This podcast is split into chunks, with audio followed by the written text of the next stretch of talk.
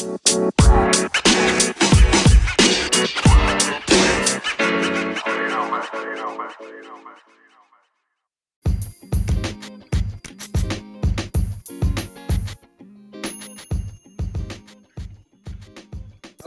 teman-teman, selamat datang di podcast Thanos Enemies. Pada episode kali ini, kita bakal ngebahas soal implementasi teknologi untuk kegiatan operasional. Tema yang akan kita bahas kali ini adalah social media analytics dan business intelligence. Oke nih, uh, sementara kita kenalkan diri dulu. Hmm, nama saya Iqbal dan saya bekerja di salah satu konsultan teknologi Nah, untuk hari ini kita kedatangan teman-teman nih, kebetulan banyak dari berbagai bidang dan industri juga. Uh, kita ada Mbak Dewi. Halo Mbak Dewi. Halo Mas Iqbal, halo teman-teman yang dengerin. Terima kasih ya atas kesempatannya. Oke, saya mau jelasin nih, uh, saya Dewi, saya bekerja sebagai research analyst di, di sebuah pengembang properti di Indonesia. Oke Mbak Dewi. Oke selanjutnya kita ada Mas Unggul. Mas Unggul. Halo Mas Iqbal. Perkenalkan teman-teman, saya Unggul. Saya tim leader di salah satu bank syariah di Indonesia di divisi pembiayaan komersial. Baik, kita juga ada nih satu lagi narasumber kita. Uh, halo Mbak Feby.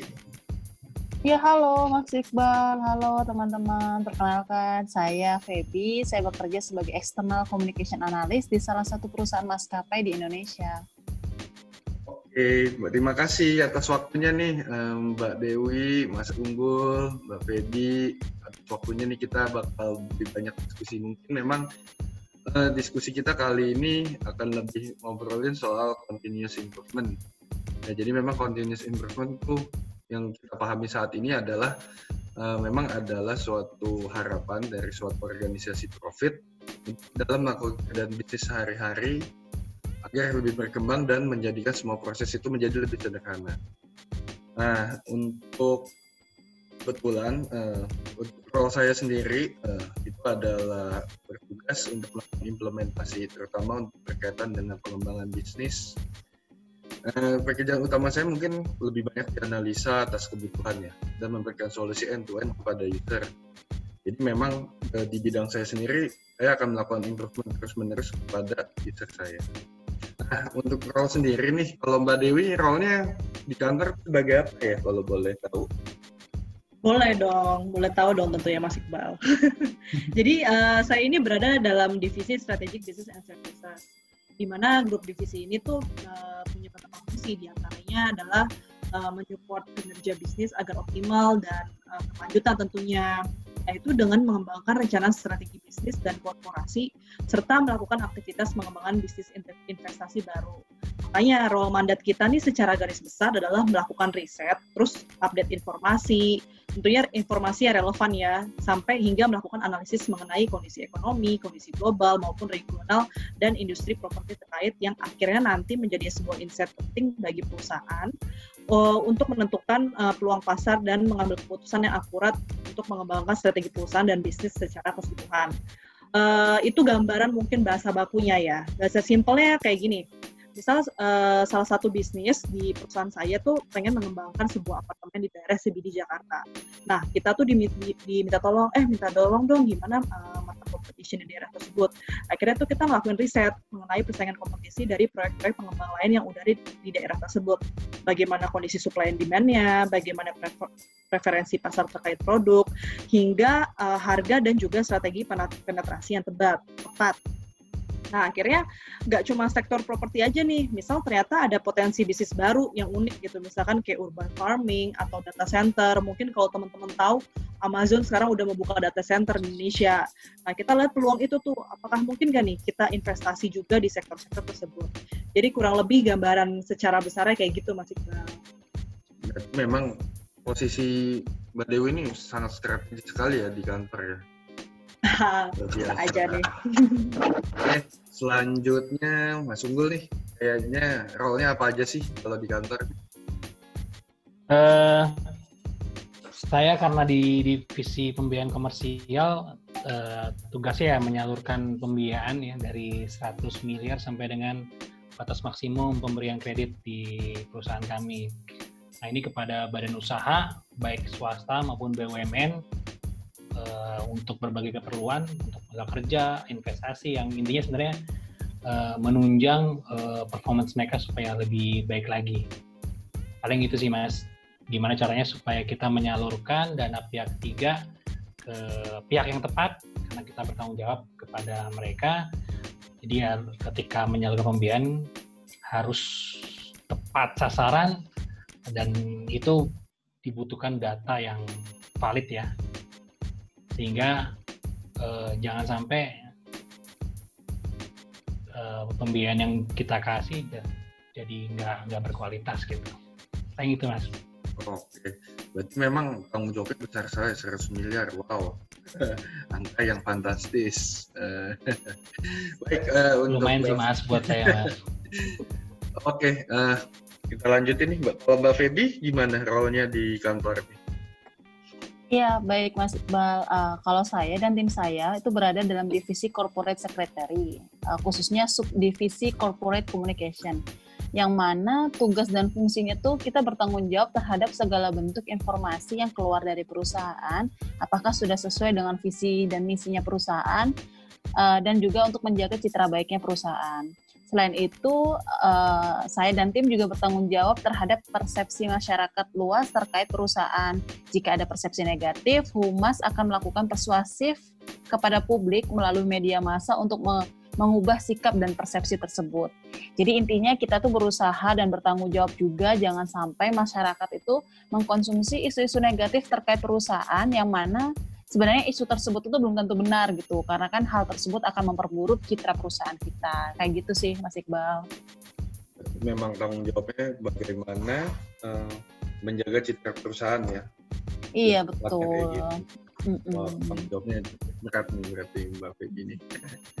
Oke, kita bakal lanjut lagi. Um, ini kita akan bahas uh, mengenai business process improvement. Apa sih tujuan dari business improvement itu sebenarnya lebih uh, akan mengeliminasi adanya uh, value added.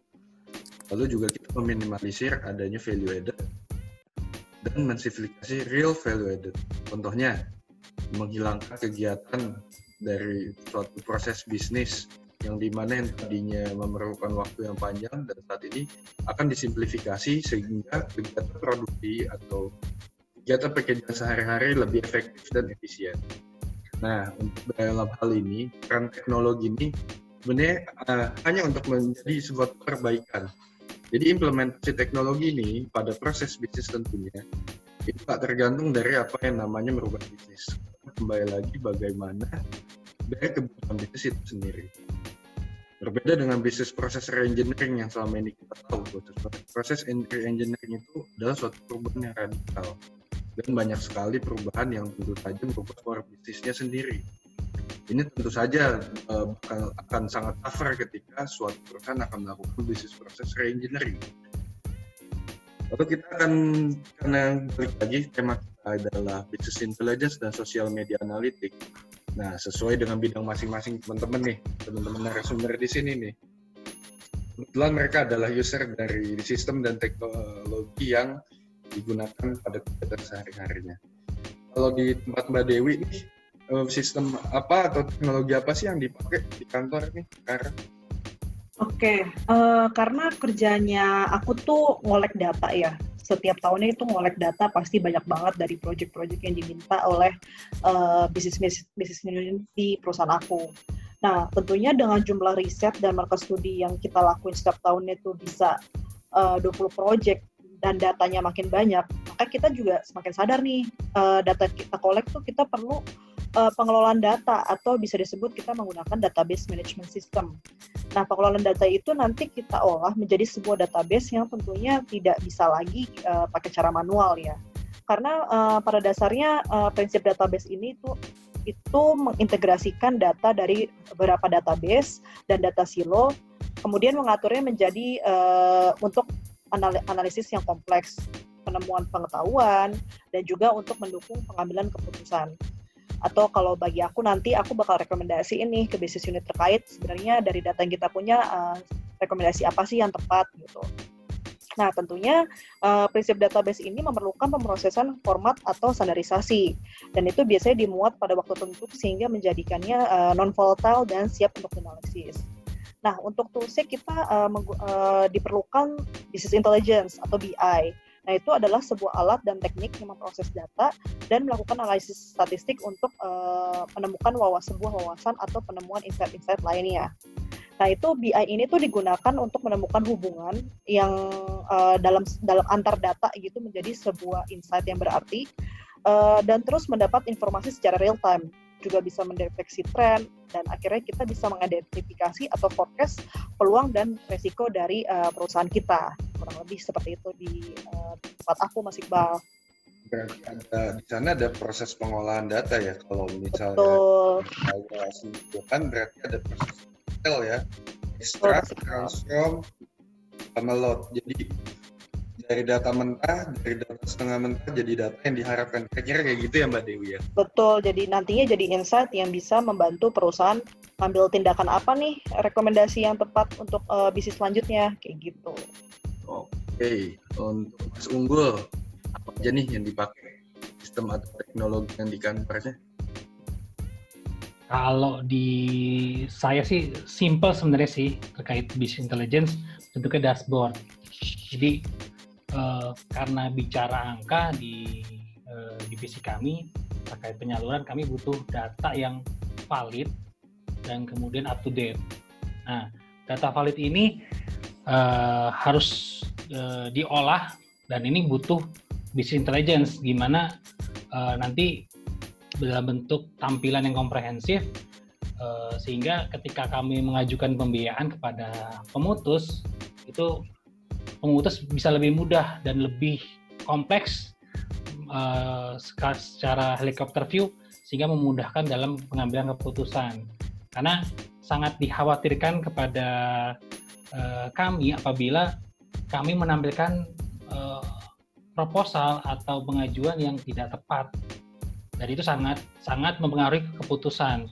Keputusan akan menjadi jelek ketika data yang kami proses itu tidak valid atau bahkan uh, tidak menggambarkan kondisi uh, seutuhnya nasabah yang akan kami proses. Paling itu, Mas. Oh, berarti memang uh, dari Mas Unggul sendiri adalah penggunaan user dari bisnis intelligence itu sendiri ya, kira-kira seperti itu, Mas ya? Yes, kurang lebih begitu. Baik. Nah, ini udah lagi nih kayaknya kalau Mbak Feby nih. Nah, kalau Mbak Feby gimana nih? Di kantornya pakai sistem atau teknologi apa yang digunakan nih kira-kira? Boleh cerita nggak? Iya, baik Mas Iqbal. Jadi uh, sebenarnya di divisi aku itu kita tuh ngelakuin kerjasama gitu Mas dengan pihak ketiga untuk membantu tugas kita. Nah mereka ini mereka ini yang menggunakan teknologi teknologi yang digunakan mereka uh, namanya sosial media analitik di mana sosial media analitik ini sebenarnya untuk mencari tahu tujuan bisnis mana yang dapat memperoleh keuntungan dari data yang dikumpulkan dan dievaluasi itu. Tujuannya juga termasuk untuk memaksimalkan pendapatan bisnis, mengurangi pengeluaran layanan pelanggan, mendapatkan umpan balik tentang layanan produk, dan juga meningkatkan opini publik tentang divisi bisnis atau produk tertentu. Jadi segera setelah tujuan bisnis tersebut ditentukan, uh, indikator, indikator kinerja utama untuk melakukan evaluasi objektif dari dapat dari data tersebut itu dapat diuraikan. Gitu sih Mas Iqbal. Memang lebih fokusnya um, data dari semua sosmed ya, dari Facebook, dari Twitter, dari yang lain-lain gitu ya Mbak Feby berarti ya? Iya betul, termasuk juga mesin pencarian Google kayak gitu.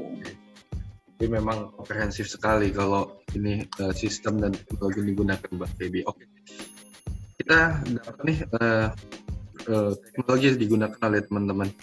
Kira-kira apa sih tuntutan kalau dari Mas Unggul sendiri nih penggunaan BI ini tuntutannya apa aja sih?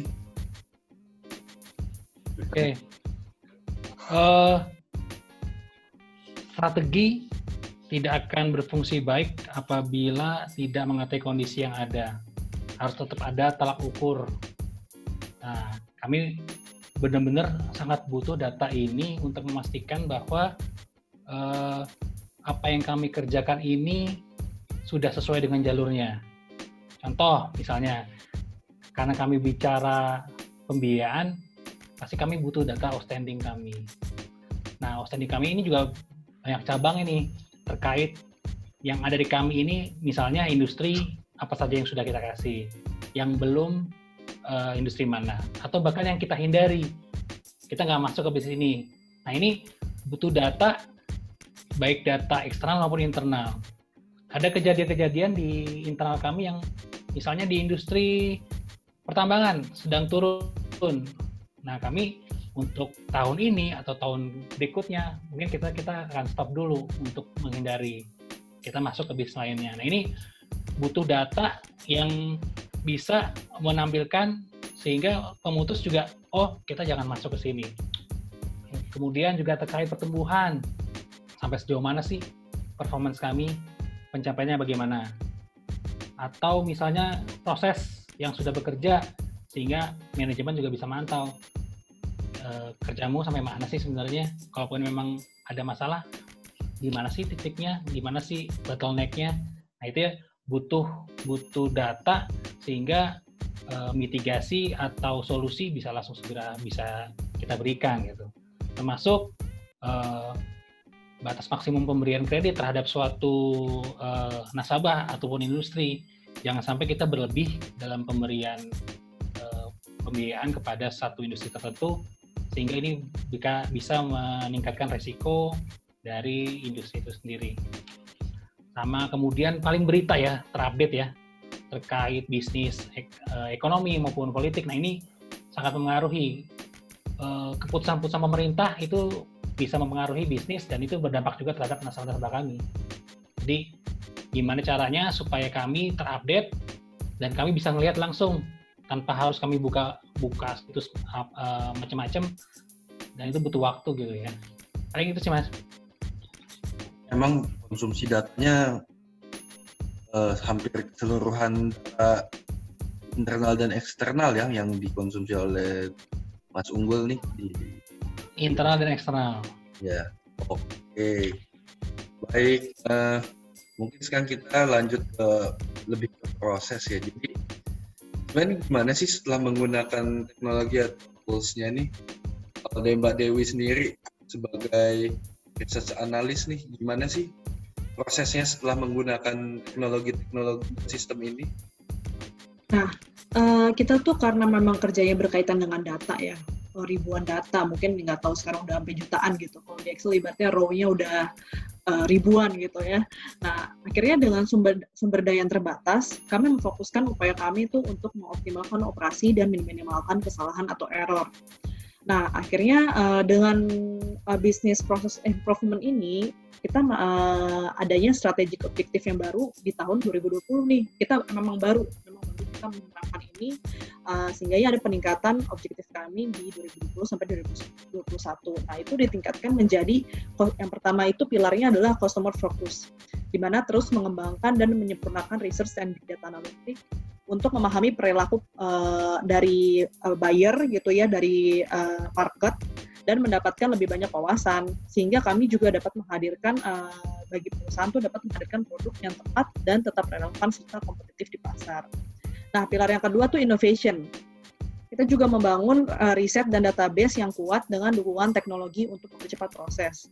Kemudian kita membangun kapabilitas big data uh, baik dari keahlian, teknologi, proses, bahkan budayanya juga ya. Karena nggak cuma dari teknologinya aja yang update, kita juga sebagai uh, penggunanya juga harus mulai agile nih terhadap teknologi-teknologi uh, ini. Kemudian yang terakhir adalah uh, service excellence, yaitu memberikan riset dan analitik sebagai layanan yang andal untuk bisnis guna mem memberikan wawasan pasar. Nah, terkait toolsnya nih, kalau tadi Mas Unggul udah sempat cerita ya, sebagai end user pengguna dashboardnya. Nah, kebetulan tim aku nih yang bikin dashboardnya, mungkin agak beda sih, tim aku lebih awam lah untuk uh, untuk uh, apa penyajian dashboard ini. Nah, tim kami ini tuh baru melakukan improvement dengan menggunakan Power BI sebagai implementasi teknologi untuk mencapai strategi objektif yang tadi udah disebutin tuh. Jadi uh, pada dasarnya si Power BI itu layanan analitik uh, oleh uh, Microsoft dengan tujuan untuk memberikan visualisasi interaktif dan kemampuan kecerdasan uh, bisnis atau business intelligence dengan interface interface atau uh, yang yang cukup sederhana bagi pengguna uh, bagi pengguna end user untuk membuat laporan dan dashboard mereka sendiri. Seperti yang tadi digunakan Mas Unggul tuh. Jadi yang tadi Mas Unggul gunain dia bisa ngelihat berita terupdate data dan segala macam ternyata aku ngerasain nih di tim aku gimana cara bikinnya gitu. Terus uh, terus uh, aku sedikit cerita juga nih sekitar uh, share ilmu juga Nah, Microsoft Power BI ini tuh mengusung uh, tiga konsep kerja yang nantinya akan sangat membantu dalam menganalisa data uh, seperti uh, dashboard, report, dan datasets. Jadi secara hierarkinya itu, si dataset ini merupakan kumpulan data yang diimport atau dikoneksikan pada Power BI. Nah, sedangkan report ini uh, satu atau lebih dari ha, satu atau lebih dari satu halaman uh, visualisasi yang tadi udah kita olah. Nah, report ini nanti bisa berupa chart, grafik, atau table, atau uh, apa pilihan visualisasi lainnya lah gitu. Kemudian dashboard sendiri ini nanti uh, berupa tampilan integrasi yang menampilkan sekumpulan report dari sekumpulan dataset.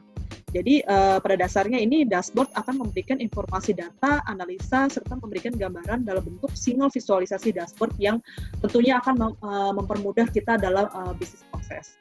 Kurang lebih kayak gitu, Mas Iqbal memang skopnya juga banyak ya sebagai pembuat dashboard Power BI itu sendiri ya berarti. Betul. Uh, wow, benar-benar uh, istimewa sekali sharingan hari ini ya. Baik, uh, nah ini kita coba ke Mbak Feby nih. Nah kalau Mbak Feby sendiri, ini gimana sih uh, penggunaan toolsnya? Metode apa aja yang dipakai? Atau aplikasinya apa aja nih dalam kesehariannya? Karena kan kita tahu sendiri Mbak Feby ini sebagai humas dan tentunya penggunaan data ini single ya masih kita bedakan antara teman-teman yang tadi menggunakan business intelligence. Nah, kalau Mbak Feby sendiri kayak gimana nih? Oh iya, oke okay, Mas Iqbal. Jadi seperti yang udah aku sampaikan sebelumnya, bahwa dalam kesehariannya uh, kami itu kan bekerja sama dengan pihak ketiga, yaitu agensi sosial media, yang mana uh, mereka tuh membantu kita untuk memfilter informasi-informasi apa saja sih yang beredar di masyarakat terkait perusahaan kita, gitu. Ini sebenarnya uh, secara umum tuh kan informasi yang beredar itu memiliki tiga nilai itu di mata publik. Ada positif, positif, normal, dan negatif. Nah, kami bekerja sama dengan agensi tersebut untuk memetakan memetakan nih media dan publik mana saja sih gitu kan berdasarkan ton pemberitaannya. Nah, kami menyebut kegiatan ini tuh dengan nama media monitoring mereka tuh memberikan kita tools. Nah, dengan tools yang ada ini, eh, kita dapat memantau secara sistematis terkait isu perusahaan uh, di masyarakat cara kerjanya sebenarnya mudah sih Mas Iqbal. Hanya dengan dashboard gitu atau aplikasi yang diberikan oleh mereka kita tuh dapat mengakses dan mengetahui posisi brand kita tuh secara real time. Melacaknya juga cukup dengan memasukkan kata kunci nama perusahaannya kita. Terus kita juga bisa memilih atau melakukan uh, monitoring pada uh, mesin pencarian Google atau sosial media seperti Twitter, Facebook dan Instagram kayak gitu uh, dengan dashboard tersebut juga kita bisa melacak kompetitor kita dengan cara yang sama gitu. Jadi uh, dashboard ini tuh sangat membantu humas dan marketing dalam melakukan benchmark. Nah, dengan data yang dihasilkan, kita bisa mendapatkan uh, real time itu kan jadi terkait isu-isu apa saja sih yang sedang dibahas sama media gitu dan juga hasil berupa ton media apakah media itu sedang membicarakan kita dengan ton yang positif yang negatif atau normal kayak gitu. Terus uh, agensi kita ini juga memiliki fitur yang nggak kalah penting nih mas gitu. Jadi ada fitur yang namanya push email untuk memberikan kita alert uh, dalam waktu hanya beberapa menit. Dan ini tergantung uh, settingan kita gitu ya. Terkait uh, publik atau media tertentu sedang ramai membicarakan brand kita atau enggak gitu. Nah, jadi kalau semuanya ada isu yang sedang ramai diperbincangkan, grafik itu akan naik sehingga alertnya itu nyala. Nah, hal ini tuh sangat memudahkan kita untuk mengetahui posisi perusahaan kita, sehingga kita juga mudah dalam melakukan strategi persuasif seper, uh, seperti apa sih gitu strategi persuasif yang akan kita lakukan ke publik. Kayak gitu sih, Mas Iqbal. Berarti seperti kayak punya mata-mata di sosmed ya, apalagi untuk wah ini kondisi kita gimana, kondisi luar gimana gitu ya. Iya, itu betul. Penting banget sih itu, biar uh, untuk menjaga citra perusahaan juga sih. Oke. Okay. Uh, eh, untuk itu kita lanjut lagi. Nah, ini sebenarnya mau bahas kondisi sebelumnya nih. kalau misalnya saya mau balik lagi ke Mbak Dewi, kalau sebelum ada sistem dan teknologi sekarang ini, dulu Mbak Dewi sesuffer apa sih? Boleh Wah, pastinya uh, pain banget sih mas sebelum adanya kita melakukan business process improvement ini. Uh, jadi tim kita itu kan memang tadi seperti disebutkan kalau kita tuh sebenarnya tim uh, services atau bisa katakan support terhadap business unit lain di uh, perusahaan kita. Nah, jadi sistemnya kita ini menggunakan SLA atau Service Level Agreement antara si requestor atau business unit uh, terhadap tim kita. Nah, kita itu menggunakan time function mapping atau bisa juga berupa gancar pada dasarnya uh, prosesnya adalah kita nerima permintaan nih, da, permintaan riset uh, atau mata study dari requestor atau business unit. Uh, misalkan mereka yang uh, eh minta tolong dong coba risetin daerah sini karena kita ada rencana mau bangun uh, perumahan daerah situ. Nah, itu dijelasin tuh ruang lingkupnya secara cakupan area maupun sektor properti maupun segmentasinya uh, itu kira-kira seperti apa.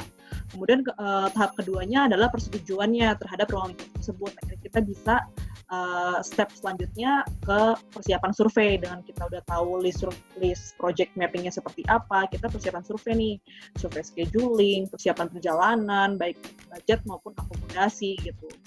Nah, pas uh, tahap keempat yaitu site survey, kita tuh nge-survey kondisi lingkungan, uh, survei kompetitor, bahkan kita juga nge-interview uh, pemerintah setempat. Apabila diperlukan, kita juga bahkan interview si agen-agen uh, atau broker uh, properti di daerah tersebut. Nah, yang paling painnya nih Mas ya, itu adalah di data tabulatingnya. Setelah kita mulai dari site survey nih, yang, yang cukup melelahkan, Nah, kita pulang tuh masih perlu input lagi data-data ini tuh ke dalam database kita. Nah, sebelum ada si Porbia ini, uh, yang uh, membantu kita pada saat visualisasi, kita memang pada dasarnya tetap input itu ke Excel ya.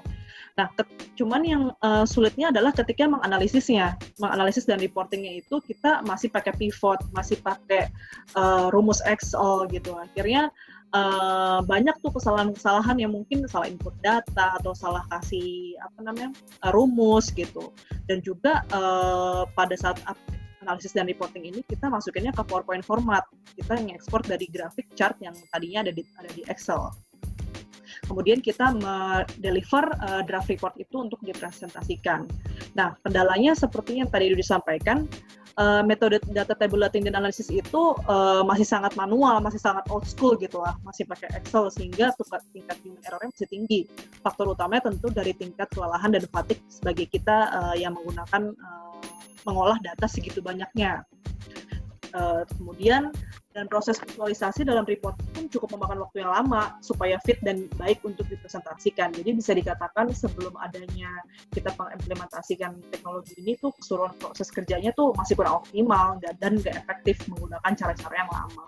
Kayak gitu berarti prosesnya malah lama ya dulu tuh sebelum betul pastinya dong karena emang kita dulu masih masih old school banget ibaratnya belum belum melek teknologi lah ternyata kita kita ngapain ya selama ini kayak gini pas sudah pas sudah gunain tuh rasanya tuh kayak gitu tau nggak masih jadi Excel warrior ya kalau dulu ya? iya ya. betul betul betul oke berarti memang ada manfaat banget ya apa implementasi teknologinya. Nah, untuk sebagai end user nih, Mas Unggul, kira-kira apa sih yang harus di dari tools-tools ini nih? Misalnya kalau Mas Unggul tadi pakai BI ya, kira-kira ada nggak sih eh, apa yang harus diperbuat dari teknologi, eh implementasi teknologi sekarang ini?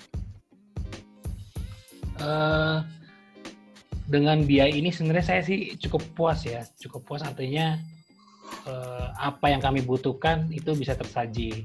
Cuman memang yang perlu dikembangkan adalah konten dari biaya itu sendiri. Eh, faktor bukan faktor apa namanya ya, bahan ya, bahan maupun nanti yang akan ditampilkan hasil olahannya ya, kalau bisa lebih lengkap. Jadi sudah ada, sudah oke, okay, cuman memang mungkin kami butuh uh, konten yang lebih lengkap lagi sehingga keputusan juga lebih mudah dan lebih komprehensif tepat sasaran. Paling gitu, Mas. Oke, berarti memang ada tambahan-tambahan lagi aja yang sifatnya mungkin sesuai dengan perkembangan aja berarti ya Mas Unggul ya. Yes. Oke. Nah, kalau dari Mbak Feby sendiri nih, ini sebenarnya kalau teknologi sekarang ini harus ngikutin bisnis proses, apa gimana menurut Mbak Feby sendiri?